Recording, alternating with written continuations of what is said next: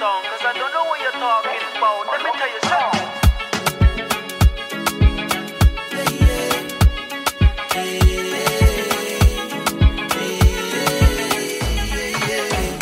Yes, Ja, we zijn er. we zijn er. Mooi. Edward van Gils. Oftewel Etje. Ja, Oftewel de godvader op streetvoetbal. ja, daar zeg ik iets minder hard ja. Die, die naam heb ik gekregen van de straat. Oké, snap ik. Hoe voel je? Goed. Ja? Ja, goed. Ontspannen? Ja, ja. Al een hele tijd, denk ik, of niet? Ja, eigenlijk eh, zeker wel een jaar eh, dat het wel super goed gaat. Met Ja. natuurlijk eh, hier en daar natuurlijk wel een klein hobbeltje op de weg. Ja. Vooral in deze tijden. Ja, dat vertelde je, hè? dat gedoe met de gemeente, wat je nu hebt eigenlijk. Ja, maar niet, niet alleen dat. Ik, financieel kijk ik eigenlijk helemaal niet naar op het moment. Als ik iets heb geleerd in deze tijd, is Mm. dat geld niks waard is. Eh, liefde is wat waard, aandacht is wat waard. Nice. dagbesteding is wat waard. Geld is belangrijk om in ieder geval te eten, te drinken en een dak boven je hoofd te hebben. Voor de rest is dat niet mijn prioriteit in het leven. Als ik kijk naar, eh, naar dingetjes dat, eh, dat ik zie dat mijn kinderen eh, stilstaan in, eh, in hun ontwikkeling op alle vlakken. Weet je, of het nou op school is of sociaal. Ja, dat, dat doet me af en toe wel wat, weet je. Dat doe je wat nadenken over de toekomst. Ja, maar die hebben er ook last van, hè? Ja, ja, want die, die hebben er het meeste last van. Hoe oud zijn die meiden? Ik heb er eentje van 22, die Ja. gaat eigenlijk wel vrij aardig. Oké. Ehm, die heeft dan wel weer het probleem dat ze studeert en er eh, ja, wel schoolgeld moet betalen. Baantjes vallen weg, weet je, horeca, Ja. winkels. Mhm. Dus dat is wel een struggle. eh, maar voor, die, is wel, die is gelukkig. Woont Oké. zichzelf in Rotterdam en eh, ja, die, die gaat lekker. Wauw. Heb ik er nog eentje van 18. ehm, net overgegaan naar de ROC. Dus een nieuw, nieuw avontuur. Ja. Nou, dat wordt dan nu gestopt. Dus heel moeilijk. Weet je, nieuwe vrienden, oude vrienden hebben ook allemaal nieuwe vrienden. Maar de contact is er niet. Weet je, online les, les krijgen, dat is het niet. Eh, er zijn geen, worden geen banden geschept. Nee, geen binding, man. Geen binding. Heb ik ook nog twee kinderen die een beetje dezelfde opleiding doen. Weet je, allebei een laptopje nodig, maar zitten Ja. op één kamer. Eh, ik heb drie kinderen, dus twee kinderen zitten op één kamer. Ja. Eh, dat werkt ook niet met twee laptopjes. Dus ja, dat, dat zijn de wat moeilijkere dingen. Eh, af en toe de wrijving in huis, gewoon omdat je elkaar te veel ziet. Ja, ja. Eh, je kan niet even, eventjes, eh, even tijd nemen voor jezelf. ja, die, die, die uitlaatklep is er ook niet. hè? ja, weet je, dus dat zijn de dingetjes waar ik het meeste moeite mee heb. Maar eh, ja, de familieband is super sterk geworden. Eh, ik geniet van de kleine dingen in het leven. Ik weet wat er belangrijk is. Ik moet je eerlijk zeggen, de stilte op straat en, en de rust om je heen vind ik eigenlijk wel prettig. Oké. Dus eh, ja, ik ben bang eh, als we straks weer teruggaan dat dat iets is waar ik weer aan moet gaan wennen. Weet je, Aha. gewoon heel veel mensen om je heen. Die weer- prikkels weer, hè? ja, heel veel prikkels ga je weer krijgen. Hmm. Daar heb ik ook nog niet eens over nagedacht, man. Hmm. Hoe, eh, wat voor effect zal dat hebben op de mensheid? En hoe lekker is het dat je tegenwoordig in de trein zit en je hebt gewoon vier stoelen voor jezelf. Ja. Ja, alhoewel, ik ben niet in de trein geweest, maar ik kan me dat heel goed voorstellen, man. Ja, Ja. maar alsnog, ik, ik, ik heb er wel behoefte aan. Dat is een ander verhaal. Ik, heb, ik heb zeker behoefte aan, aan een gesprek met mensen. Om misschien mensen gewoon weer een knuffel te geven. Ja. eh, Simpele dingen. Ja. Absoluut. Gezelligheid. Ja, dat, dat is het dubbele ervan. Want ik mis het wel. Ja. Ik mis het wel. Ja. We gaan het, eh, we gaan het hopelijk snel genoeg meemaken. Ik hoop Ja. niet dat dit al te lang, eh, al te lang zal duren. Nee, we gaan het Weet je, en corona is ook zo'n onderwerp waar ik niet te lang over wil praten. Want Nee, iedereen heeft zo doen. zijn ideeën en complotten en weet ik veel wat allemaal. Maar het heeft wel duidelijk een effect op, op, Ja. op ons allemaal. Ja. Anyways, ik ben wel blij dat ik weer even met jou kan connecten. ja, leuk man. We hebben elkaar jaren niet gezien, zoals je net zei. Waarschijnlijk vijf jaar, vijf, ja, zes jaar. vijf, zes jaar denk ik wel, ja. Ja, Eh, ja, dus we hebben uiteraard ook gewoon genoeg om te bespreken. ja, Eh, we kennen elkaar van FC Golden Stars. ja. eh, waar jij hebt meegewerkt aan promoties. Ja. En ook mede verantwoordelijk bent voor één degradatie. Was ik, was ik, Ik dus ook. We zijn gedegradeerd, maat. Wanneer met Kelly? Ja, we zijn gedegradeerd. Toen Kelly assistent was daar. Ja, maar dan is het Kelly. Huh? Dan Dat is is, het Kelly. dat is zijn schuld. maar hij ging dat jaar ging hij wel weg naar een eredivisieclub ook nog eens. Dus eh, in hoeverre we hem de schuld kunnen geven, ik heb geen idee. Nee, ik weet dat ik een heel slecht seizoen heb gedraaid dit jaar. En ik weet ook de reden waarom. Ja? Ja. Oké, dat was voor, voor en mijzelf was dat een moeilijk jaar. oké. Ja. Zakelijk gezien bedoel je dan Nee, ook? nee, nee. eh, voetballend gezien. Oké, Ja. kan je daarover vertellen? Ja, ja, ja, zeker. Ja, Kelly kwam aan boord. En Kelly heeft natuurlijk altijd een, eh, een hele duidelijke visie over eh, wat hij wil gaan doen. En eh, naar jongeren brengen. En ik ben daar ook absoluut de voorstander van. Mhm. Alleen wij werden het slachtoffer daarvan. Mhm. Niet, een, niet eens zozeer qua speeltijd, maar meer in het voorbeeld stellen van. Hmm. Dus in de voorbereiding ja, werd er de hele tijd tijdens de trainingen tegen ons gefloten. Nou, en ik ben best wel een emotionele joch- jochie, dus af en toe eh, dan dacht ik van oké, neem hem, ik neem hem. Ja, tot ik ontplofte. En zei hij van ja, maar kijk, dit bedoel ik nou. Jij bent een voorbeeld, je moet laten zien aan de jonge jongens dat ze moeten accepteren. Maar daardoor kwam ik ook niet in mijn spel, Nee. weet je wel. Eh, ik werd de hele tijd, eh, kreeg ik nare prikkels tijdens mijn training, tijdens de wedstrijden. En ik werd als voorbeeld gesteld. En ik wil best ehm, een voorbeeld zijn voor jongeren. Ja. Maar laat het dan vanuit mijn eigen persoon zijn, weet je. Ja. Dan kan ik ze sturen. Je werd eigenlijk gedwongen in een bepaalde rol. Ja, en die rol die beviel me niet. Nee. ik, oké, ik was ouder Ja. en ik weet dat mijn dagen erop zitten. Ehm, maar ik wil wel voetballen. Ik schrijf me wel in om te voetballen. En ik schrijf niet om, om die positie te krijgen. Ja. Dan had ik een andere keuze gemaakt. Alleen om die positie te krijgen. Ja, en Ori had hetzelfde. Dus toen kwam er eh, veel frictie, ook tussen ons en, en Kelvin. Eh, Oh ja? Ja, ja, ja. ja, ja, ja. Ik, volgens mij heb ik het seizoen niet eens afgemaakt. Eh, jawel. Heb ik het seizoen Ja, afgemaakt? ja, want dat was die, la- die wedstrijd dat we zijn gedegradeerd. Dat was de laatste wedstrijd van het seizoen. Ja. Maar goed, eh, ja, blijkbaar gaan dieptepunten en hoogtepunten hand in hand. Absoluut. Ehm, zeker als ik kijk naar de opbouw van jouw leven. Ja. Daar zullen we het zeker ook over hebben. En als ik je dan de vraag, eh, eh, ja, als ik jou moet vragen om jezelf voor te stellen, zou dat anders zijn dan vijf jaar geleden? Hm.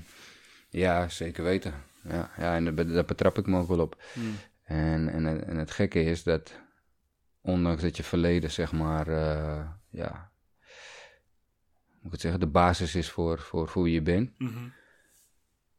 Als je in een nieuwe situatie komt, hoe snel je comfortabel bent in een nieuwe situatie, of hoe snel je aanpast aan je nieuwe situatie. En dat je eigenlijk totaal vergeet dat er nog een andere wereld is. Ehm, dus ja, zeker. Oké, Ja. wil je jezelf weer voorstellen?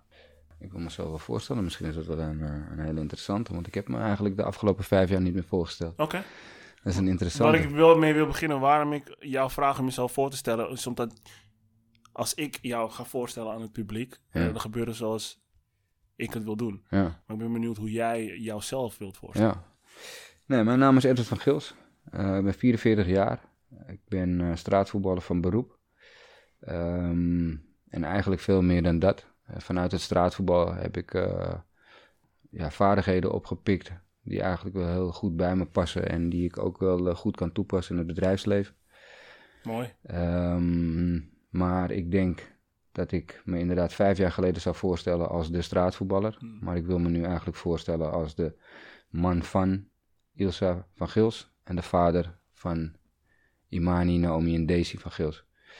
En ik denk dat die rol eh, een nog veel grotere rol is als mijn rol als voetballer. Heb ik veel meer bereikt en heb ik ook veel meer van teruggekregen dan de voetballerij me heeft teruggegeven.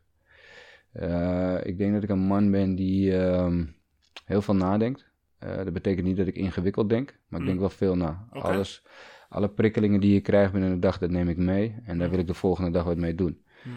Ehm, wat ik mis in het leven is dat we, we klagen heel veel in Nederland. En niet alleen in Nederland. We klagen, we klagen, klagen, maar we doen er niks aan. Mhm. En dat is wat mij stoort. En die man ben ik vandaag de dag wel geworden. Ik zie een probleem en ik wil het oplossen. En dan ga ik niet lopen klagen, ik ga kijken, oké, wat kan ik eraan doen? Sterker nog, wat is mijn invloed geweest dat het probleem ooit begonnen is? Hmm. Simpel feit, we klagen allemaal dat kinderen of jeugd te veel op telefoon zitten. Ik ben 44 jaar, ik ben, de, ik ben de spark geweest van het hele ding. Want toen mijn kinderen vroeger aan het huilen waren, wat deed ik? Ik geef een iPad of gaf een telefoon, stil. Niet bij stilstaan dat jaren later dit het gevolg is. En nu is het, het, is, het is onze schuld en wij gaan lopen klagen op die kids. Nee, dan moet je er denk ik op een andere manier mee omgaan, kijken wat we ermee kunnen doen.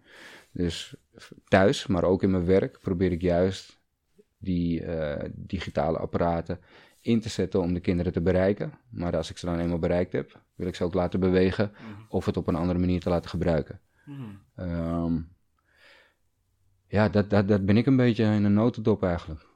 Ik denk dat je het niet mooier had kunnen doen, man. Want je ziet heel mooi dat jouw waarden zijn verschoven. Mijn waarden zijn ontiegelijk verschoven, ja. Ja. Ja, en, en dat is eigenlijk gekomen dat ik, eh, ik heb anderhalf jaar geleden een, eh, een televisieprogramma gedaan. Mhm. Het heette Street Kings in Jail. Mhm. Ehm, wat het idee achter het programma was, is van oké, hoe kan het zijn dat twee jongens in dezelfde buurt opgroeien, vrijwel dezelfde basis of eh, dezelfde talent hebben, Mhm.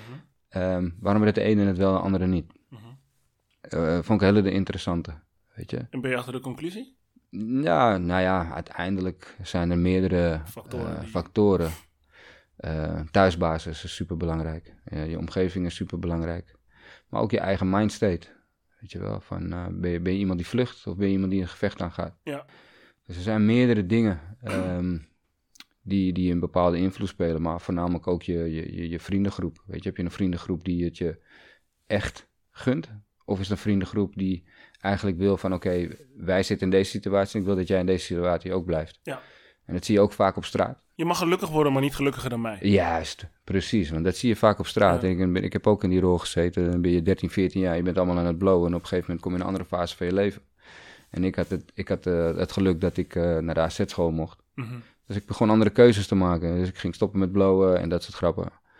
Maar wat doen die jongens? In plaats dat ze denken van... Hé, hey, super tof, we gaan met z'n allen erachter staan. Misschien gaat hij het redden. Weet je, want we zijn toch zogenaamd familie. Maar nee, wat doen ze? Ah, kom op man, nog eentje. Ah, eens een flikker. Neem nou man. Oh, sorry, is dit gecensureerd trouwens? Ja, ja, ja, sowieso. Ja? Dat mag gewoon op Spotify, dus Oké. ga los.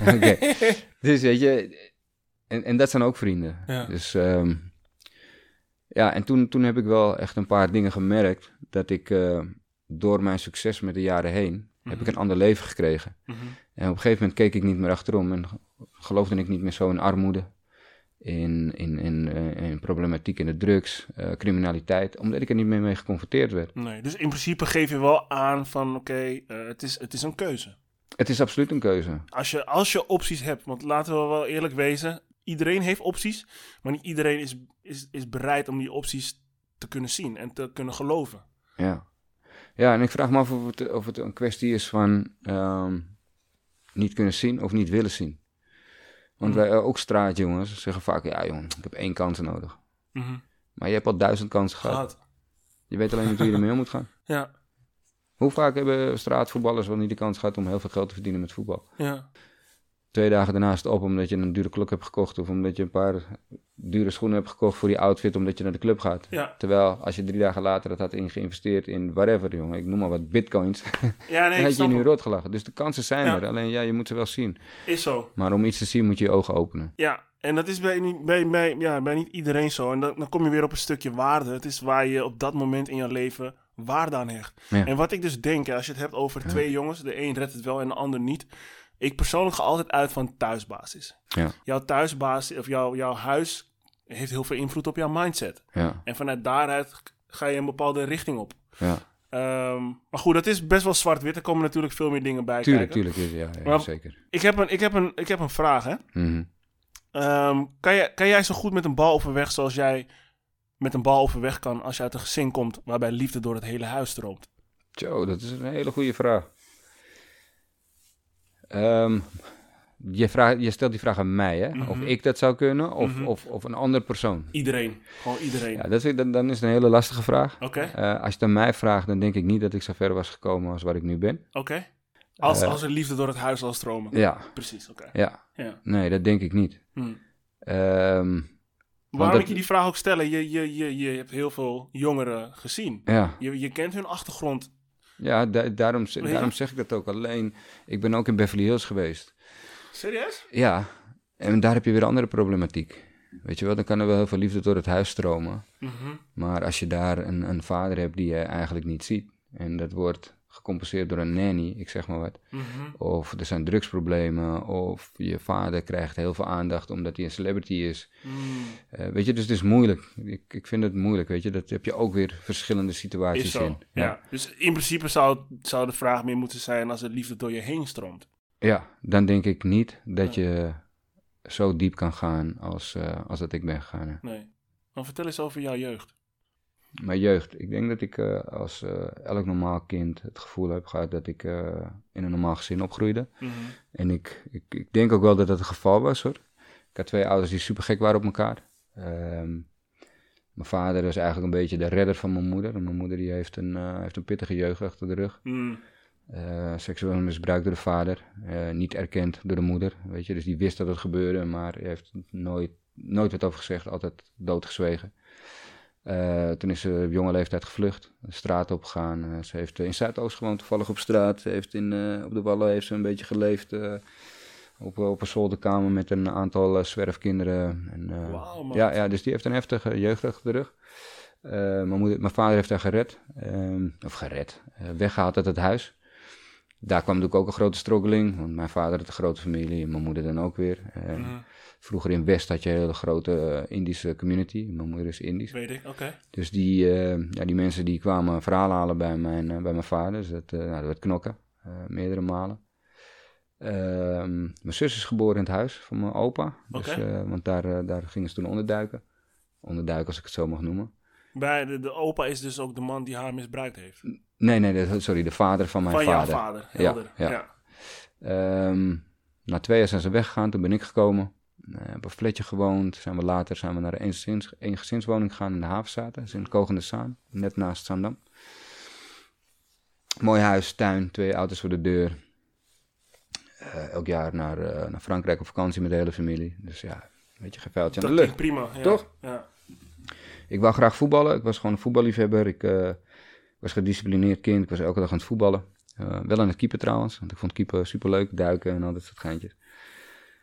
En ehm, ja, op een gegeven moment eh, is er een jongetje in mijn team. Die eh, had problemen met, met zijn voeten en met zijn Achillespees. Die moest geopereerd worden. Dus hij mocht eigenlijk niet meer voetballen. Toen vroeg zijn vader, mag hij op goal? Ik weet dat jij op goal staat, maar mag hij op goal? Dan kan jij voetballen, kan tenminste blijven sporten. Dan heb ik dat op die jonge leeftijd heb ik die beslissing gedaan om dat, om dat te doen. Dus ben ik gaan voetballen. Ja, ja. Eigenlijk wel gek inderdaad. Maar ook eh, ja, universum of zo. Want uiteindelijk Ja. eh, heb ik het wel gemaakt met voetbal. Ehm Terwijl je ook niet eens technisch was. en jongen, Wat jij... je wil niet weten. Ik, zat, ik begon in de F7 of de F9, ik weet het niet eens meer. En eh, tot de C'tjes werd dat niet veel beter. Ik was, ik was gewoon een harde werker en ik hield gewoon van het spelletje. Ja, Dat, maar dat ben je nog steeds. Precies dat is wat ik doe. Ja. Ja, precies dat.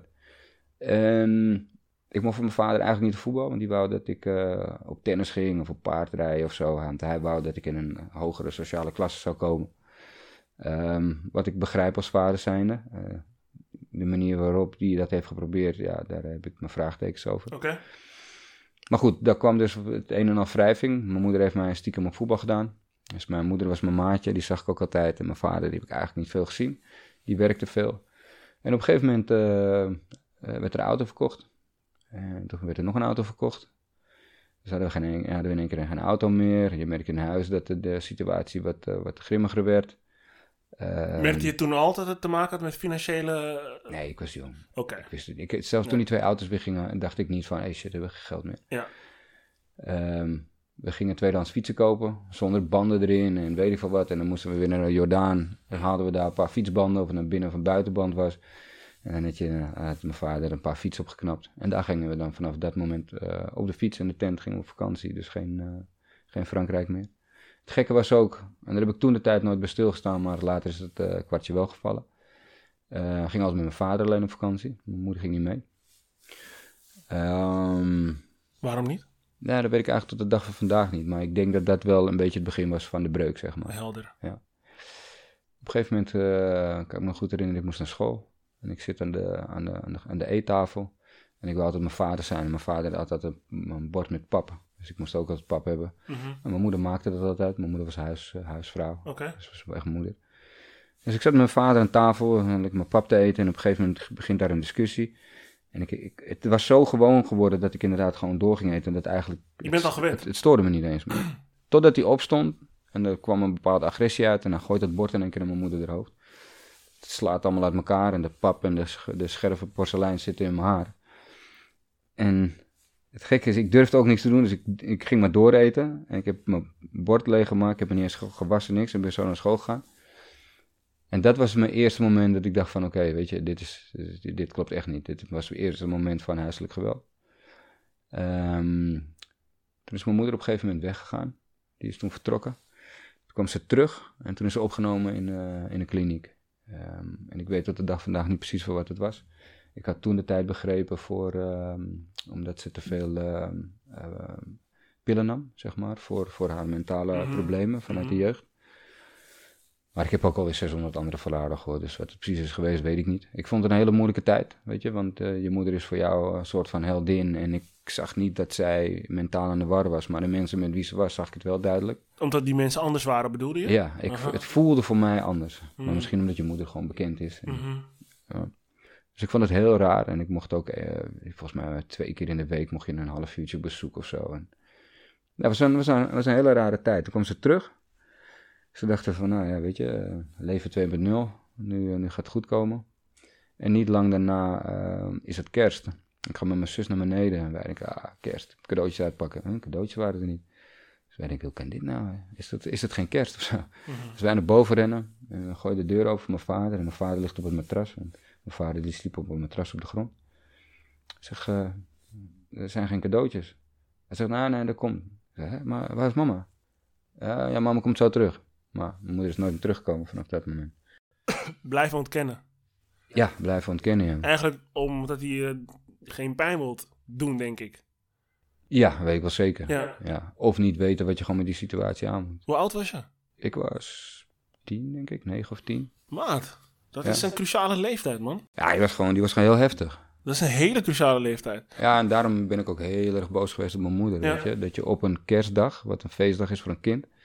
Weet je, het is niet een, een, een, een maandag 24 september, weet je. Wat, Het is de dag dat we samen horen te zijn. Snap je? Dus Al- ja, dat die, doen we al jaren. Ja, precies. Dus die hakte er heel erg in. En toen ben ik zo boos op mijn moeder geworden. Ik wou de verhalen niet eens horen. Ik wou niet eens weten wat er aan de hand was. Mijn moeder is weggegaan. Oké, fuck you. Ik blijf bij mijn vader. Dus dat was de rollenverdeling op dat moment. Toen heeft mijn moeder het nog één keer geprobeerd. Ehm, toen kwam ze samen met mijn oma om het toch nog een keer te proberen. Ehm, en dat liep ook uit de hand. Ruzie beneden. En mijn zus zegt, eh, kom we gaan naar eh, papa en mama's kamer. Gingen we daar onder de dekens liggen, weet je, tegen dat geluid. Want op een gegeven moment herken je de geluiden van armen of Je weet precies wat er, muur. wat er gebeurt. Jongen, je weet precies wat er gebeurt. Je kent het hele scenario, omdat je precies weet welk geluid wat maakt als iemand tegen, Ja. tegen de grond, de muur of de kast wordt gegooid. Heftig, man. Dus wij gingen naar boven, kwamen ze boven. En toen, eh, ja, was er een schermutseling. Mijn oma wilde tussenkomen. En in één keer gaat die arm van mijn vader zo volle vuist gewoon gezicht van mijn moeder. En, Boom. ja, en ik zit met mijn zus zo te kijken. En dat was, eh, dat was een, werkelijk een KO van het huwelijk. Toen was het klaar. Dus mijn moeder weggegaan. ehm, en in het begin bleef ik nog bij mijn moeder slapen. En ik vroeg er van, weet je, wat is de reden waarom je weg bent gaan? Heb je iemand anders of zo? Nee, nee, nee, nee, nee, nee. Ik oké. Eh, weekend erop, of twee weekenden erop, kwam ik, kwam ik daar weer. En ik ging in de kast om handdoek te pakken om te douchen. En dan ben ik ziek mannenkleren liggen. Nou, alles stoppen, do- ging het door natuurlijk, weet je. Ehm, en toen ging ik er confronteren. En toen, mijn moeder had een relatie met de buurman. Dus wat uiteindelijk de situatie was, dat mijn moeder met de buurman weg is gegaan. En er zijn natuurlijk redenen voor, alleen ik ben een kind. Dus ik, het enige wat ik denk, Je kan, je je, kan- je hebt ons gewoon in de steek gelaten voor de buurman. tuurlijk, je, kan op dat moment ook niet relativeren. Snap je? Dus dat was klaar. Ik heb mijn moeder 30 jaar niet gesproken daarna. 30 jaar? Ja, man. Ja. Ik heb haar daarna 30 jaar niet gesproken.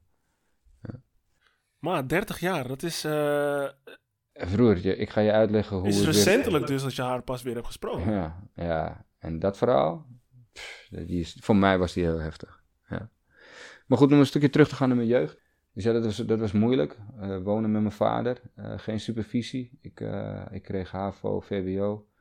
Nee, VWO Atheneum advies van school. Ben ik naar de HAVO gegaan. Eh, blijven zitten. Mijn vader is niet naar één voorstelling geweest, niet naar een ouderavond, niet meer, niet meer dingen nagekeken. Dus waar doe je het voor? Is dat een beetje het gevoel dat je kreeg? Nee, niet eens zozeer. Oké. Nee, nee, het, het was meer van, nou, oké, het zal wel goed zijn. Ik ben blijven zitten, niemand vindt het erg. Oh, op die manier. Ja, ja. Ja. Het interesseert hem niet. Nou, weet je, mijn vader moest ook werken. Weet je, dus ik, ik, ik, aan de andere kant heb ik ook wel iets, mijn vader die werkt voor mij, weet je. Mm. Dus die, die is geld aan het regelen en hij is aan het koken. Ik heb Ja. twee jaar lang heb ik spersiebonen met, eh, met kipfilet gegeten, omdat hij kon niet koken. Dus, Ja. Maar hij zorgde wel voor me. De- de- dat was eigenlijk meer de trots die ik had, in plaats dat ik naar de slechte kant keek. Ik snap hem. Mooi. Ja. Maar het was wel het geval. Ik had niet, dat als het slecht ging, dat iemand zei van... Hé, hey, let je even op. Hé, hey, die cijfers gaan niet goed. We moeten even een maandje beuken. Dus ik had gewoon vrij spel. Ja, dus als ik het goed begrijp, je werd volledig losgelaten, waardoor je ook niet eh, op je vingers werd getikt Nee. van oké, dit zijn de consequenties als je dit gaat doen, Ja. of als dit jouw cijfers zijn. Ja, Aha, dat was er niet. Dus oké. ja. En ik had ook nog een zus die wat ouder was dan ik. En die, eh, die hield een beetje van drinken en blowen in die tijd. En in de vriendengroep. En ehm, ik was aan de andere kant, want ik was geïntroduceerd in, eh, in met hip-hop. Ja, En eh, ja, toen hoorde je eh, say, say no go en don't do drugs of this is your brain on drug. Ik ben eigenlijk opgevoed in eerste instantie vanaf het moment dat mijn vader weg is gegaan door hip-hop. Ondanks dat ik me niet met alles kon identificeren, want toen de tijd was, weet je, de, de, de, de black power en dat soort dingen was wel echt, weet je, in de hip-hop muziek Mhm. verweven. mhm. Maar ik luisterde niet zozeer naar wat ik niet naar kon luisteren, maar wel van, eh, weet je, blijf van drugs af, eh, blijf op school. Hmm. Dus ik bleef wel op school, maar het lukte me niet, omdat ik geen, ik, ik, ik kreeg natuurlijk ook geen hulp. Als ik vraag had, dan wie moest ik het vragen? Aan de linker of aan de rechtermuur? Ik, weet je, Ja. aan wie moet ik vragen hoe ik die som moet maken? Ja. Ben ik weer blijven zitten, geen consequenties, ik ben niet eens op mijn vingers getikt, helemaal niks. Ben ik naar de MAVO gegaan. Toen zat ik eh, een klein beetje in de criminaliteit. Want eh ja, we waren super arm. En ik kreeg op een gegeven moment door dat eh, ja, als de kleedkamers eh, leeg waren, dat ik gewoon kon shoppen. Mhm. Ik kon schoenen kijken, mijn maat. Heb.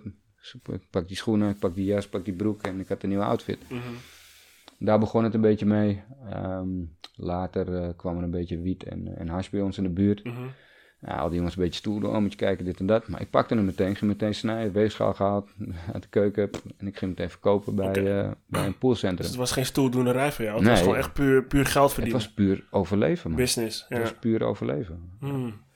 Want mijn vader zat natuurlijk met dikke schulden, veel te groot huis, had die schuld op zich genomen, die Ja. hun hadden achtergelaten. Eh, hij moest nu zelf alles doen, en weet je, en advocaten en al die ongein was ook nog, gewoon, gewoon veel problemen. Ja. Dus we hadden gewoon niks. Ehm, ja, dat, dat waren de eerste dingetjes die we hadden gedaan. En, eh, maar gek genoeg, ik, ik had eigenlijk toch wel een soort van dubbel leven. Want aan de ene kant had ik mijn straatleven. Want ik werd op een gegeven moment wel opgenomen door een bepaalde groep waar ik me prettig in voelde, die wat ouder waren. En die gingen mij wel wegwijs maken in het Mhm. leven. Mhm. Wel op de verkeerde dingen. Maar ze leerden me wel dingen. Terwijl aan de andere kant, als ik thuis zat, eh, gewoon, ik werd gewoon dom daar. Mhm. Ehm, Dus je kiest, je kiest voor de ontwikkeling. In ik kies voor ontwikkeling. Ja. ik Oké. wil vooruit. Ja. Ja, ik wil niet meer stil blijven staan. Hmm. En op een gegeven moment werd het voetbal, misschien omdat ik mij nog meer ging eh, verschuilen in het voetbal, want dat was mijn ideale wereld. Als Mhm. ik voetbal, dan denk ik aan niks. Mhm. Dan denk ik niet meer aan die pak slagen wat mijn moeder heeft gehad, of de alcohol van mijn vader. Alles gaat uit. Alles gaat uit. Ja. Ja, die, Ja, ja, die ja. bal. Weet je, voetbal is de ideale, de ideale manier om al je trauma's te onderdrukken. Nou ja, ja je, je kan niet mooi zeggen dan Ja, wat jij dat is zegt. echt. Ja. Dat heb ik ook zo ervaren. Ik heb niet Ja. het leven meegemaakt dat jij hebt meegemaakt. eh, maar ja, voetbal is. Ja. ah, dat is. Dus ik denk dat ik daardoor hele grote stappen heb gemaakt. Mhm. En eh, ja, in één keer van de, van, de, van de C3 ga ik naar de B1. Van de B1 word ik gescout door eh, de AZ-jeugd. Ehm, ik heb een jaar overgeslagen van het tweede jaar B, ben ik meteen naar de A gegaan. En toen dan ben ik naar de A-junioren van AZ gegaan. Dan heb ik eh, twee hele leuke seizoenen gedraaid. Ik ben zelfs nog gevraagd voor de selectie van onder 14, onder 15 eh Mhm. Jong Oranje. Ik heb Ja. met Zeedorf gevoetbald, met Patrick Kluivert, eh, hoe heet je nou, Danny Landzaat. Die heeft uiteindelijk mijn plekje ingepikt.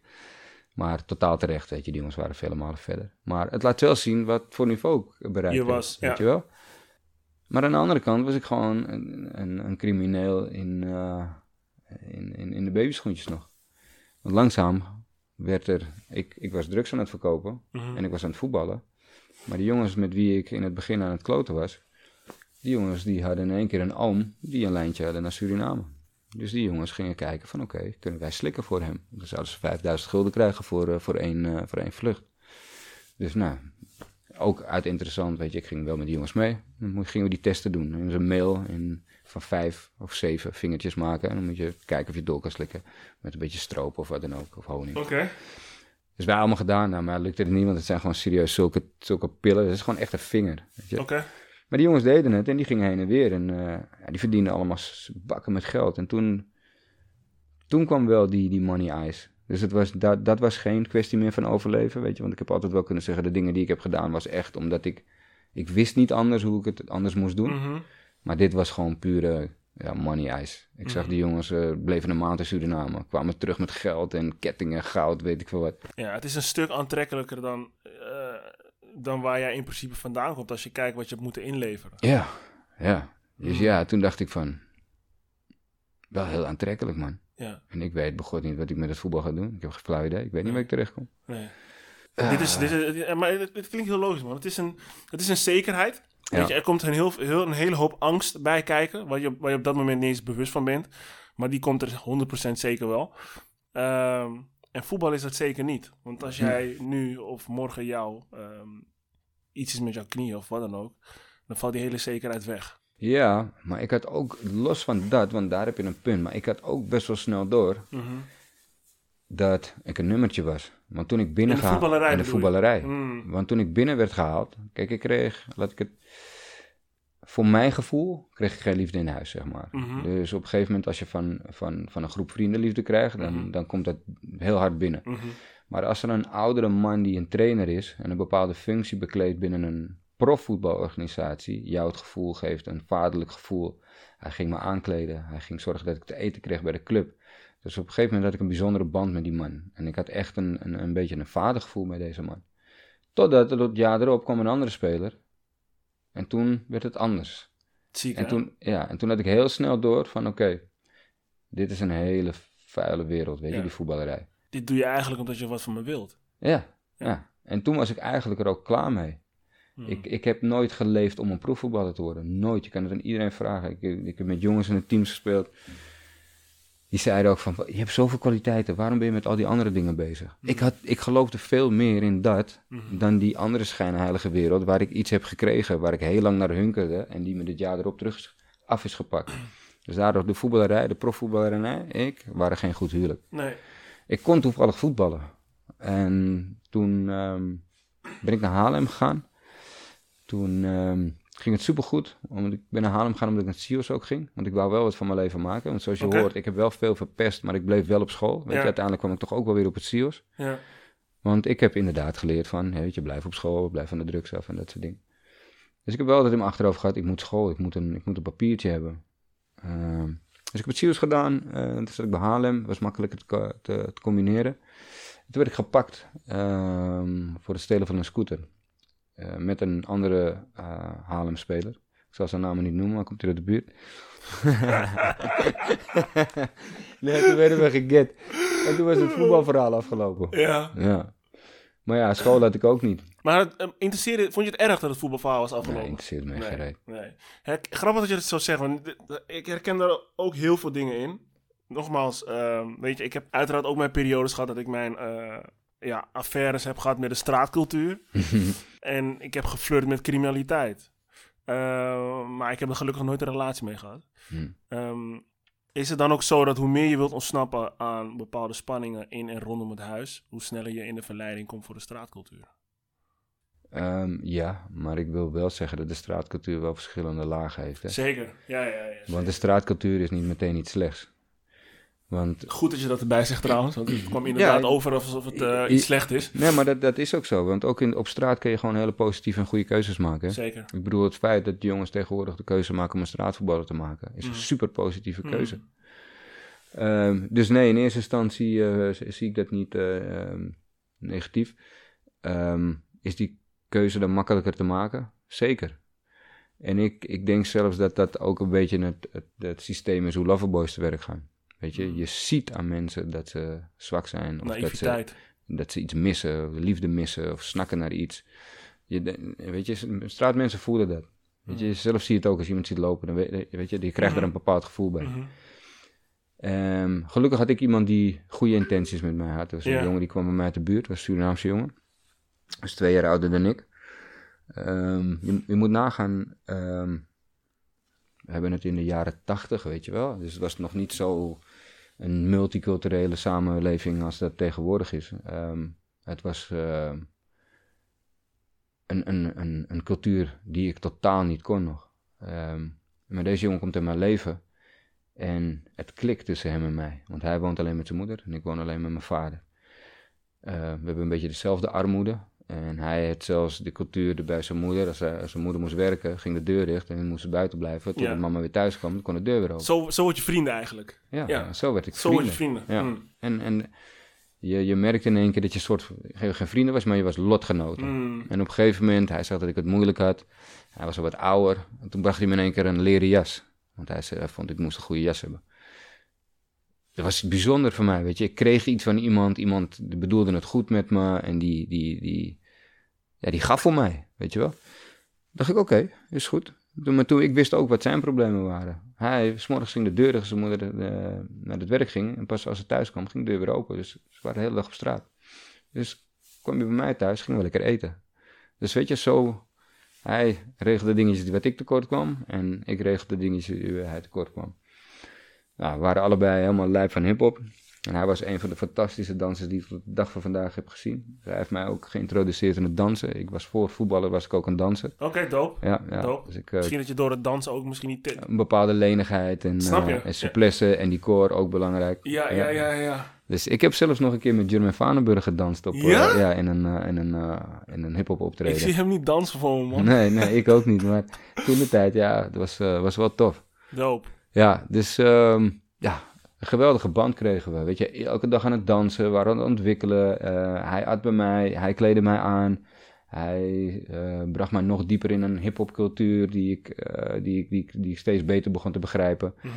Maar er was ook een, een, een Surinaamse ja, gemeenschap een beetje bij ons, bij ons in de buurt. En Mhm. vroeger waren die veel hechter dan, dan Dan tegenwoordig. momenteel, ja. Je komt er moeilijk binnen. Ja, de, maar langzaamaan kreeg ik in één keer een hele grote familie. En iedereen zorgde voor elkaar en dit en dat. Maar ik zag ook wel hoe zij aan die kleren kwamen. Dus ik dacht van, hé, hey, wacht even. J- jij geeft mij die leren jas. Maar nu zie ik hoe je die leren jas pakt. Er was bij ons een grote club, dat heette De Waakzaamheid. Dat was een van de bekendste tenten in, in Noord-Holland. Mhm. Wat hun hadden bedacht is van, hé, maar als iedereen binnen is... De meeste mensen leggen hun jas in de auto. Die leren jassen, die gaan in de auto. Mhm. Dus wij, Bushi, sla je stuk, stopt het in je mond. Bushi gooi je op het raam, raam schiet eruit en je kan alles eruit halen. En zo hadden we gewoon elke week een nieuwe jas. Business. Ja, business. en zo gingen we vanuit jassen, gingen we naar Australians. Ja. Weet je, we, we pakten het uit kleedkamers. Het gaat steeds groter. steeds groter, jongen. Waarom ben je gestopt ermee? Waarom ik met die rotzooi gestopt ben? Mhm. Ehm, omdat ik op een gegeven moment wel extreem ging. Oké. Wat ik uiteindelijk ben gaan doen, ik, eh, ik heb die jongens geobserveerd die heen en weer gingen. Ja. Toen dacht ik van ja, maar waarom ga ik voor 5000 euro heen en weer? Terwijl ik weet dat ze ook die jongens die hun 5000 euro geven, Ja. die investeren een 5 tot 7000 euro in die jongens. Ja. Waarom pak ik niet 7000 euro en pak ik 20.000 euro Mm. in plaats dat ik ga slikken en ik zet niks in en ik pak maar 5? Weet je, dus ik had een hele andere denkwijze. Je ging groter denken. Ik ook. ging groter denken. Dus wat ik heb gedaan, ik ben naar die man gegaan. Ik zeg, kan ik niet bij jou inleggen? Zei ja, ja, is goed. Ik zeg, als jij dan zorgt dat iemand voor mij neemt, dan betaal ik nog een stukje voor jou. Toen heeft iemand voor mij wat meegenomen. En toen had ik iets waar ik mee kon werken. En toen had ik gewoon serieuze centen. En toen is het een paar keer goed gegaan. En toen heb ik ook het, eh, heb ik zelf mensen daar naartoe gestuurd. Mhm. Totdat op een dag een jongen, zeg maar vanuit mijn groep, dus Ja. ik heb ook toevallig een tattoo met hem gezet. Met hem zijn we ook begonnen met bolletjes te verkopen op de metro, stations Ja. en dat soort dingen. Hij was gevallen, dus hij had geen geld meer. Dus hij zegt tegen mij, Ed, luister, ik ga sowieso, maar kan ik niet voor jou gaan? Kan je me niet een betere prijs? Ik zeg maar, luister, ik ga jou toch niet laten gaan? We zijn samen opgegroeid, want lotgenoten, zometeen ga je dood in het vliegtuig. dat ga ik nooit doen. Hij zegt, jezus, ja, maar ik, ik moet toch, hij zegt, maar ik moet, ik moet gaan, man. Hij zegt, mag ik dat geld lenen van jou dan? Ja, dat is toch eigenlijk een beetje hetzelfde? Zegt, ik kan het bij jou lenen of ik het bij iemand anders lenen waar het fout gaat. En dan, als het dan fout gaat, dan heb ik nog een groter probleem. Ik zeg, oké. Dus ik, eh, ik heb hem dat geld geleend. En op een gegeven moment is hij daar en hij zegt van, luister, ik kan nog meer meenemen. Stuur even wat voor me. Dan neem ik dat extra voor jou mee, als bedankje. Nou, toen dacht ik van, nou, hij gaat toch. Dus hij pakt sowieso 500. Als hij dan 700 meeneemt. Oké, is goed. Ik stuur dat geld op. Hij komt terug. Hij zegt, je gelooft het nooit, man. Ik zeg, wat? Hij zegt, alles is weg. Ik zeg, huh? Wat is gebeurd? Ja, ik was bezig en eh, in één keer werd er geklopt op de deur. Dus ik dacht dat het politie was. Ik heb alles door het toilet gedaan, maar het was de schoonmaker. Maar we, zijn, we waren lotgenoten, dus opgegroeid van of heel jong af aan, weet je wel. Dus ik geloofde hem gewoon blind. En ik zit met hem in de auto en eh, met zijn zwager. Die man eigenlijk die eigenlijk alles in gang heeft gezet. Mhm. Maar zijn zoontje speelde toen de tijd bij Ajax.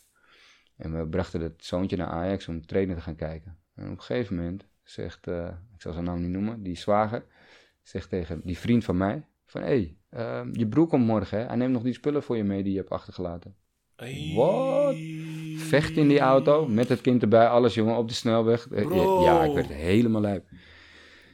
En dat was een van de tekenen van, oké, geld is de duivel. Want als zelfs mijn allerbeste vrienden je naaien, terwijl je ze eigenlijk wou helpen op dat moment.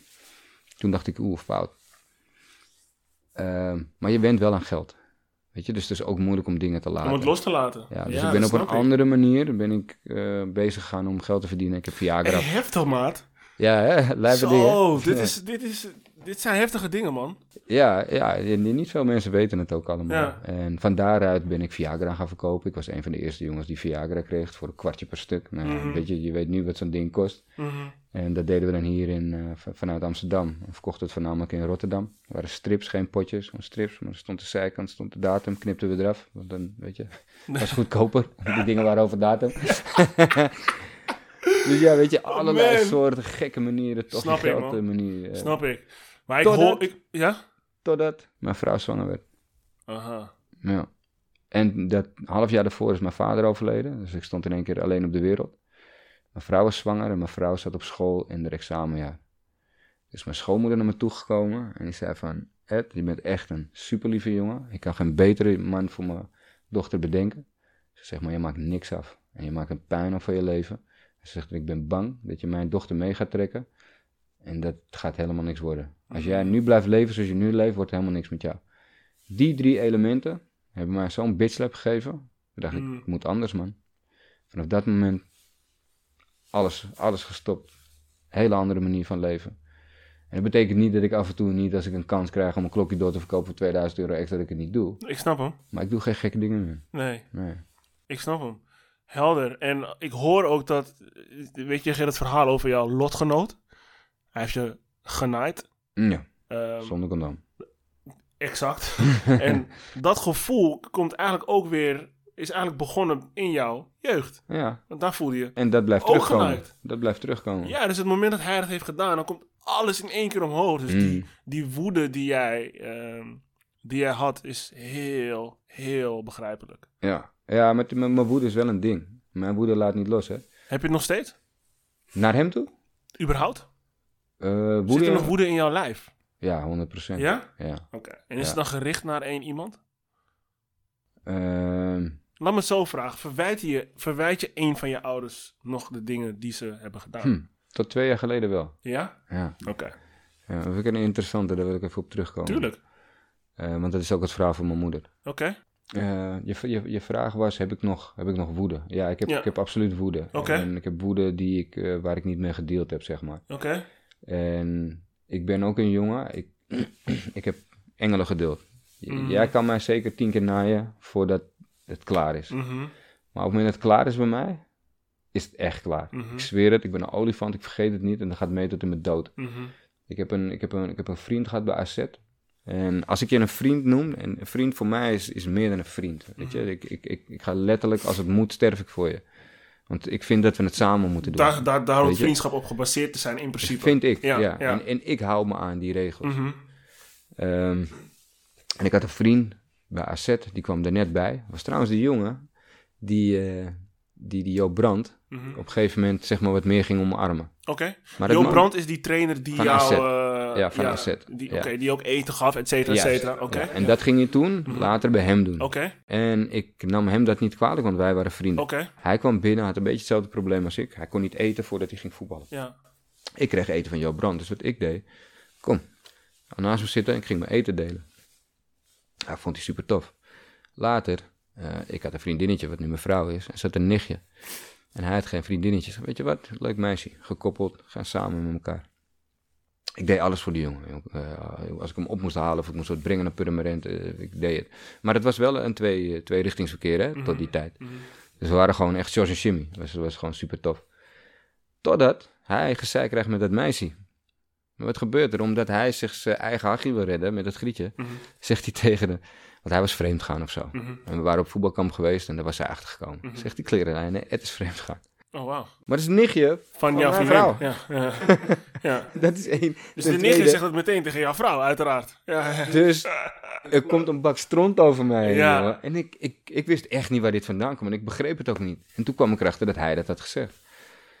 Dus toen zei ik tegen hem van, luister, weet je, jij was mijn vriend. En hoe je mijn vriend bent, zo kan je ook mijn vijand zijn. Want ik, hoe ik een vriend ben, zo ben ik ook een vijand, hè. Dat kan, dat kan Onthoud snel gaan. Ja, ik zeg maar, we voetballen nu één team, dus alle ballen krijg je nog van mij die jij moet krijgen. Ik zeg maar, na het voetbal spreek ik jou nooit meer. Ben ik hem vijf jaar later ben ik hem tegengekomen in de trein. Ik ben bij hem gaan zitten en ik zeg, ik heb nog wat met je aftanden. Toen gingen we de trein uit en toen heb ik hem gewoon mishandeld, man. Ja? Ja, ik, die woede blijft zo lang. Ja, weet je, Ik heb hem voor de Swarma-tent heb ik hem mishandeld. Die mannen uit de Swarma-tent, die Egyptenaren, hebben hem naar binnen getrokken. Toen is hij, is hij gaan bellen. Ik bleef voor de deur wachten. Toen is zijn schoonmoeder hem opkomen halen. En zijn schoonmoeder is ook een Molukse vrouw. Of toen de tijd zijn schoonmoeder. Ja. En die kent mijn schoonouders weer. Ja. Dus die probeert verhaal te komen halen bij mijn schoonouders toen ik daar aan het eten was. Dus wat doet mijn schoonmoeder? Doe die de deur open. Wat? Kom maar binnen hoor. Heeft die Ja. ook een pak rammel gehad. Ja. Ja, Wow, Ed. ja lijpe dingen man. Ed, maar als je er nu op terugkijkt, Mhm. hè, dat je na vijf jaar het nog nodig vindt om hem, eh, eh, om hem te mishandelen of om hem gewoon Ja, te straffen. ja. Vind je dat terecht? Nee, Oké. nee.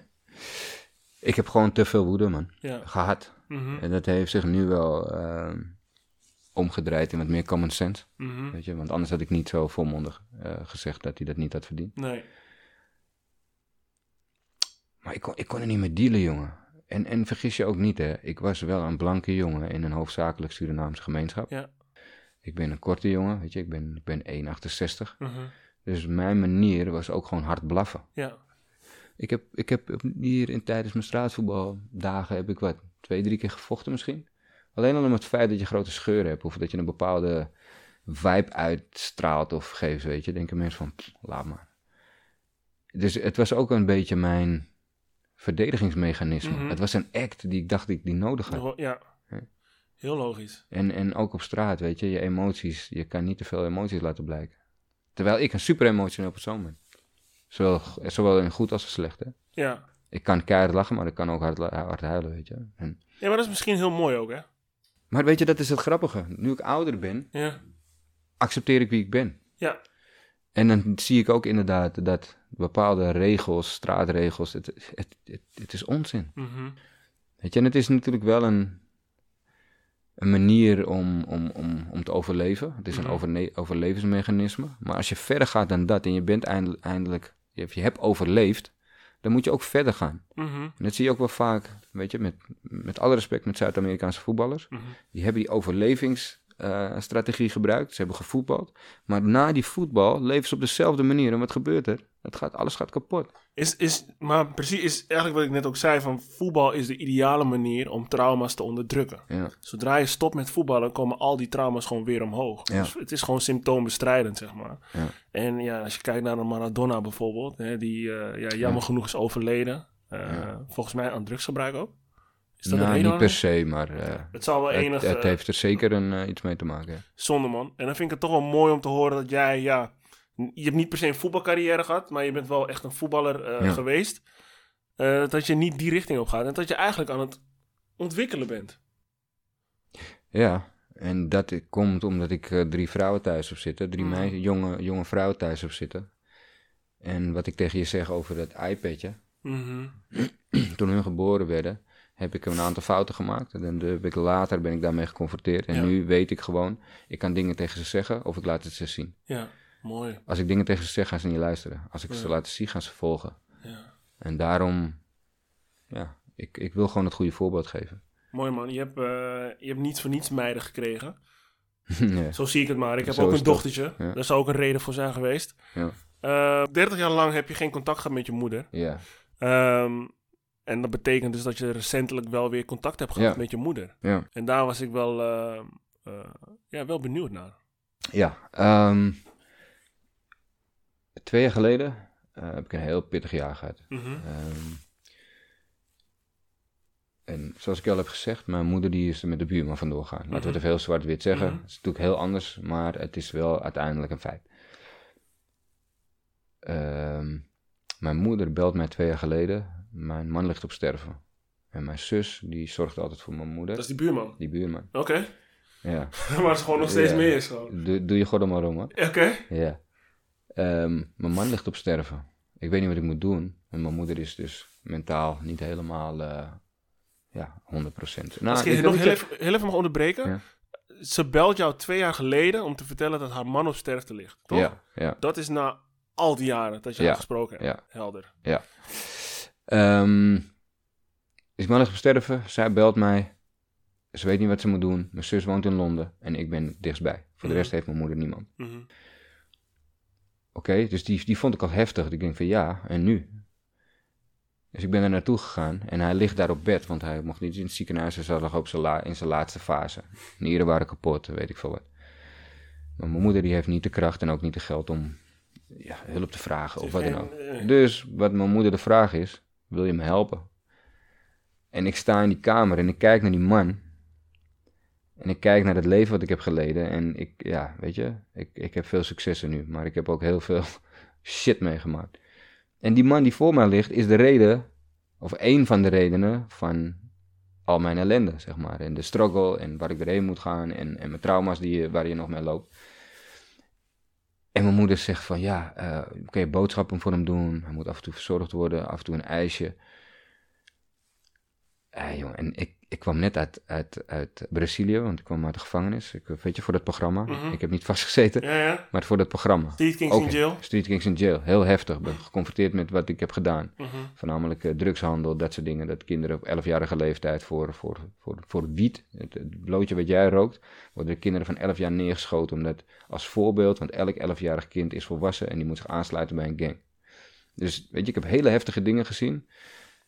En nu, paar dagen later, zit ik in een ruimte met een man die mijn leven de kloot heeft geholpen. En de vrouw die in mijn gedachten op dat moment mijn leven heeft verkloot. Toen stond ik op een, op een beslissing van moet ik dit doen of moet ik het niet doen? Want ik had ook kunnen zeggen, jullie kunnen de tyfus krijgen.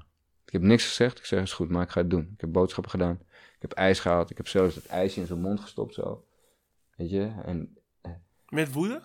ja, Oké. ja. Ik heb Terwijl je naar hem keek en dat je wel echt dacht van, jij motherfucker. Ik, ik wou hem eigenlijk gewoon diepe... Doorjoeken. Ja, ja, dus dat- nee, nee, nee, ik heb wel... Ik, nee, dit laat ik zeggen, het was niet woede, maar ik ben wel door memory lane gegaan. Ik heb wel gekeken van, weet je, dit is wel allemaal gekomen door jou, weet je. En dit zijn heftige dingen en je hebt, je hebt gezinnen ontwricht en... Weet je, er zijn dingen gebeurd waar je geen flauw idee van hebt. Maar het ergste is, is dat die man zijn telefoon in zijn hand hield. En hij vroeg op een gegeven moment aan mijn vrouw, een, een eh, was dat mijn vrouw? Nou, in ieder geval, hij vroeg een, een, schroevendraaier. Dus hij kreeg een schroevendraaier. Ging in die telefoon prikken. En toen dacht ik, oké, ik, ik heb genoeg vrienden. Ik, snap die niet, ik snap die niet. Nee? Prikken snap ik niet. Waarom doet hij dat? Hij wou dus, voordat hij doodging, Ja. dat niemand meer in zijn telefoon kon. Ah. Anders, hij was hem aan het kapot maken, hem stuk maken. Niemand mocht zijn telefoon pakken. Blijkbaar had hij heel veel geheimen. Hij had heel veel geheimen. Dus wat gebeurt er? Ik, ik, eh, ik pak die telefoon. En ik heb die, op een of andere manier heb ik of mijn dochter heeft die telefoon onlocked. Hij had een relatie. Al Ja. 30 jaar lang. Hij had een vriendinnetje voor mijn moeder. En met die, vrou- met die vriendinnetje heeft hij 30 jaar lang heeft hij ook gewoon een relatie gehad. Ja. Maar die vrouw die heeft mijn moeder ten alle tijden eh, bedreigd. Om de zoveel tijd kreeg ze een brief of een, of een poppetje met een mes erin. Superlijp. Dus je moeder wist van die relatie. Ze wist van die vrouw. Ze wist van die vrouw, In niet van die relatie. Ja, Dus ja. waar zijn we uiteindelijk achter gekomen, is dat hij bij die vrouw en haar vriend eh, kocht hij cocaïne. Want Mhm. hij was cocaïneverslaafde. Mhm.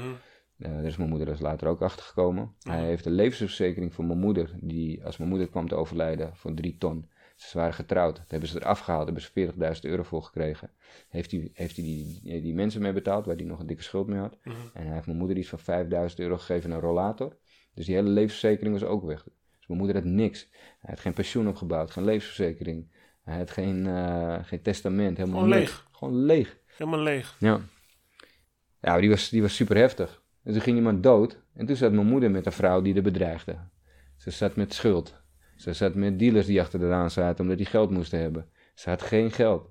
Karma. Dat is wat ik in eerste instantie dacht. Maar aan de andere kant dacht ik, maar wacht, dat is wel mijn moeder. Ja? Ik, ja, ja, toch op een of andere manier wel. Oké. Dacht ik, kut, het is mijn moeder, man. Voel je je, voel, je, voel je schuldig op dat moment ook? Voor het feit dat je moeder in zo'n situatie zat. Nee, nee, nee, nee, absoluut niet. Nee, want het was haar bewuste keuze. Nee, nee, nee, nee, nee, zeker niet. Maar ik voelde me wel verantwoordelijk voor mijn moeder. Hmm. Dus wat ben ik gaan doen? Ik ben boodschappen gaan doen voor mijn moeder. Ik, heb, eh, ik ben naar die vrouw gegaan en naar die man. Ik heb ze, ze wonen bij Wijk aan Zee. Die heb ik, eh, die heb ik daar eh, pittig aangesproken. Gewoon even uitgelegd dat, ze, het klaar moet zijn. Dus het is klaar. Eh, financiële situatie uitgezocht. Welke man? Eh, die, die man van die Lola. Die Lola is, eh, was die minnares Ja. van de man van mijn moeder. Helder. Ja, ja. snap je hem? Ik snap hem nu. Ja. Maar die... die- Dat was de dealer waarschijnlijk van, Van- Die, van die Michel. Ah. Ja. dus dat moest ik ook gaan regelen. Dus ik moest daarna nog een heleboel shit regelen. Ja. En toen kwam mijn moeder naar me toe. En die zegt van, en toen begon ze te huilen en toen hield ze me vast. En toen zei ze van, nou alles wat ik heb aangedaan, en is dit wat je doet. En toen brak ze en toen, toen, toen, ja, toen, toen, toen was het zo'n hoopje voor mijn moeder over. Mm, En toen hebben we een goed gesprek gehad.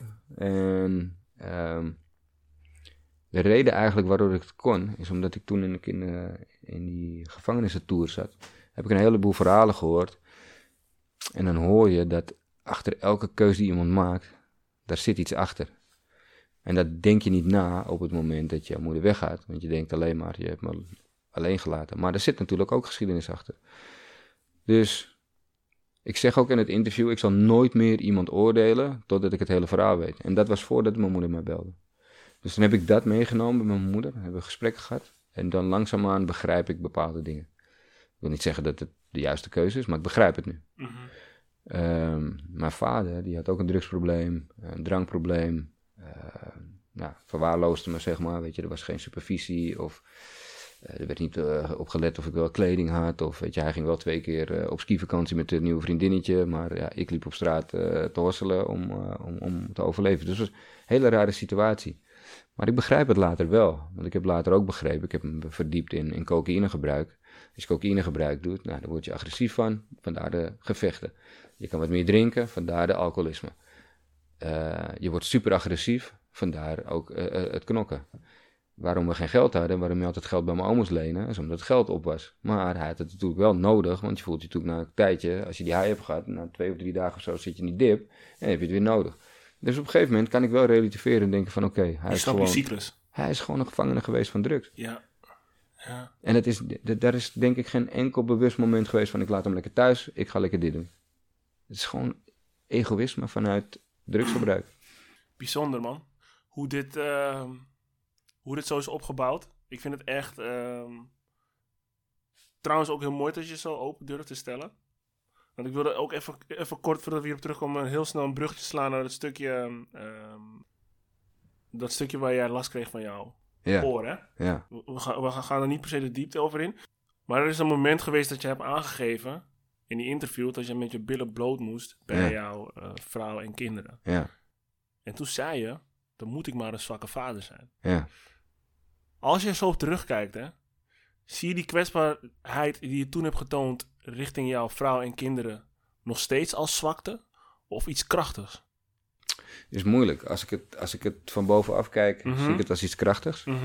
Want ik wou jou ook eigenlijk net iets zeggen over het feit eh, dat jij net zegt, dankjewel dat je zo open bent. Dus Mhm. daar wil ik nog één dingetje over zeggen. Tuurlijk. Dus als ik, als ik een helikopterview heb, is het een kracht. Mhm. Alleen vanuit mijn persoonlijkheid voelt het Mhm. als een zwakte, omdat ik een hele trotse man ben. Ja, maar dat is ook de persoonlijkheid die jij hebt opgebouwd. Ja, En wat het mooie is, jou, jouw dochter zegt op dat, op dat moment tegen jou, vol empathie, je moet nu eens aan jezelf gaan denken. ja, Dus wat zij doet, en jouw vrouw zei volgens mij ook iets vergelijkbaars, ja, dat zijn twee dingen die vanuit hun hart ja, wordt gesproken. Dus vanuit liefde.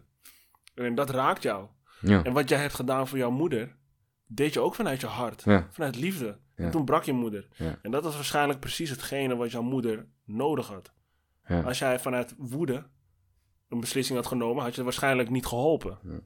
En dan had jouw moeder misschien, is jouw moeder misschien ook niet ehm, gebroken. Snap je wat ik bedoel? Ik snap heel Dus goed je door jouw openheid en door jouw kwetsbaarheid, hè, dat vind ik juist heel krachtig, heeft er ook voor gezorgd dat jouw moeder, weet je, die demonen die eigenlijk in haar zaten, die zijn er een of andere manier toch een beetje eruit gekomen. Ja, jongen, we bellen nu on a regular basis op een hele leuke Maat. manier. Ja. Gruwelijk, gruwelijk. We zijn echt een, een beetje een andere richting opgeslagen dan dat ik had gewild. Maar ik ben toch wel, eh, toch wel blij dat we dit, dit ook besproken hebben, man. ja, ik ook. En de, je, want je zei namelijk iets wat ik echt super, super, super belangrijk vind. Mm, En dat kan in mijn huis wel. Ik heb een multicultureel huis. Oké. Ehm, jij zegt net, bedankt voor je openheid. Mhm. Met gesloten deuren gaan we nooit verandering maken in het leven. Daarom heb ik me- moeite met, eh, met de maatschappij tegenwoordig. Mhm. Dat sugarcoaten, Mhm. dat voor alles op willen komen. Alles is een probleem, eh, gevoelig, eh, pesten, eh, noem dat soort dingen maar op. Ik ben niet voor pesten, hè, dus begrijp me niet verkeerd. Maar de vertrutting van de maatschappij, dat vind ik een issue. Mhm. Want hoe ik hier met jou zit, wij kunnen een goed gesprek hebben zonder dat wij elkaar kwetsen over bijvoorbeeld een rassenkwestie. En ik vind niet dat ik op mijn tong moet bijten, of dat jij op je tong moet bijten op zo'n kwestie. Mhm. Maar waarom doen we dat? Omdat het politiek correct is. Mhm. En op het moment dat jij iets zegt wat mij kwetst, dan mag dat niet. Maar hoe gaan we ooit verder komen als wij die discussie niet openlijk hebben? Mhm. Als ik nooit zal weten hoe jij denkt, of hoe ik over jou denk, gaan wij nooit een eerlijk gesprek hebben. Gaan wij nooit We creëren geen Op- intimiteit. Nee, maar we Ja. komen ook niet op dat punt waar een knelpunt zit, omdat die gevoelig is. Om die gevoeligheid weg te krijgen, ga ik dat moeten zeggen tegen jou en jij tegen mij. Mhm. Waarin wij in een openlijk gesprek met argumenten hopelijk de ene kan overtuigen of we kunnen ergens in het midden te- terechtkomen. En daar baal ik van, van de media tegenwoordig. En, en hoe we met elkaar omgaan. Zelfs in een multiculturele samenleving als hier. We zeggen niet wat we denken. We zeggen wat je denkt dat jij van mij kan accepteren. Ja. En dat haat ik. Ik vind dat wij veel betere gesprekken moeten hebben. Je kan beter van mij horen wat ik letterlijk vind. En dan proberen dat te, om te draaien. Weet je, of anders, andersom. Ik wil weten wat jij van mij denkt. Want zolang ik niet weet wat mij denkt, ga ik op dezelfde manier handelen. Dus dan blijf je me altijd een eikel vinden. Moment dat jij iets tegen mij zegt. En ik heb me nooit gerealiseerd dat dat kwetsend is. Of dat het iets geks is. Zal ik dat altijd blijven doen. En daar moeten wij, denk ik, een groot gaan verschil in gaan maken. Weet je, we zijn een multi- eh, multiculturele samenleving. We zijn zo opgegroeid. We zijn niet meer opgegroeid als onze voorouders, dat ik niet eens meer weet. Hé, hey, kom nu een Surinamer. Nog nooit eerder gezien. Dan, doe normaal, man. We zijn met z'n allen opgegroeid. Laten we zeggen wat we zeggen willen, wat we denken. En dan komen we bij oplossingen. Hou niet die deur gesloten. Ik ben met je eens, man. Ik, ik denk wel dat we daar wel mee bezig zijn. Ehm, maar ja, je ziet het niet zo heel gauw. Nee. Dat, dat heeft gewoon heel veel tijd nodig, man. Ja, maar dat Weet je, gebeurt te veel in dit soort situaties in plaats in het café. Ja. En dat vind ik gewoon jammer, omdat mensen bang zijn om dingen te zeggen. Ja, ik heb het eerlijk gezegd ook, hè. Kijk, ik... ik, ik, ik- Kijk, in deze situatie hoef ik mij niet bang te maken voor... Ben ik niet bang voor bepaalde consequenties. Ja. Maar in sommige situaties misschien wel. En, ehm, en zo denken mensen ook, weet je. Iedereen denkt eerst aan zichzelf. Ja. Aan hun eigen... Ze willen zelf overleven. Laat mij dan de eerste zijn die dat niet is. Ja, Ik ik, doe- ik, ga, doe- ik, wil doe met je mee wel. eigenlijk, ja. Want weet je wat het ding is? De, de mensen die daar consequenties aan hangen, Mhm. zijn de mensen die bang zijn voor die waarheid. Dat Eens. is het geval. Ja, Die willen geen verandering. ja. ja, dat is comfortabel, hè. Ja, Ja, eens. Hey Ed, ik denk dat wij... ja man, ehm, I gotta go. Ik denk dat wij echt nog even kunnen babbelen, maar eh, dat is iets voor de andere keer, man. Ja. Maar ik vond het sowieso een super, super goede sessie. Ja. Ehm, en ook fijn om je vanaf deze kant te leren kennen. Niet als die gast van Street Kings of die met Ronaldinho heeft gevoetbald of Ja. whatever. Maar echt te weten wie, eh, wie Ed is. En dat doet mij heel goed, man. Ja, super Dus, tof. eh, ik, vond het een, ik vond het een leuk gesprek. En mooi. ik heb, eh, uit dit gesprek heb ik ook weer dingen geleerd. Mooi, mooi, mooi. Cool. Dus bedankt voor dat. Ja, ja. Dat was dus een, eh, een goed gesprek met eh, Edward van Gils. Altijd fijn als zulke gesprekken zulke verbindingen kunnen maken. Niet alleen tussen ons, maar ook in zijn privéleven. Ook in de mijne. En ik hoop jullie luisteraars ook. Wil je meer te weten komen over het fantastisch, maar vooral het dankbaar werk wat hij doet? Dan kan je hem volgen op Instagram onder de naam Edward van Gils, laagstreepje, official. Tot volgende week.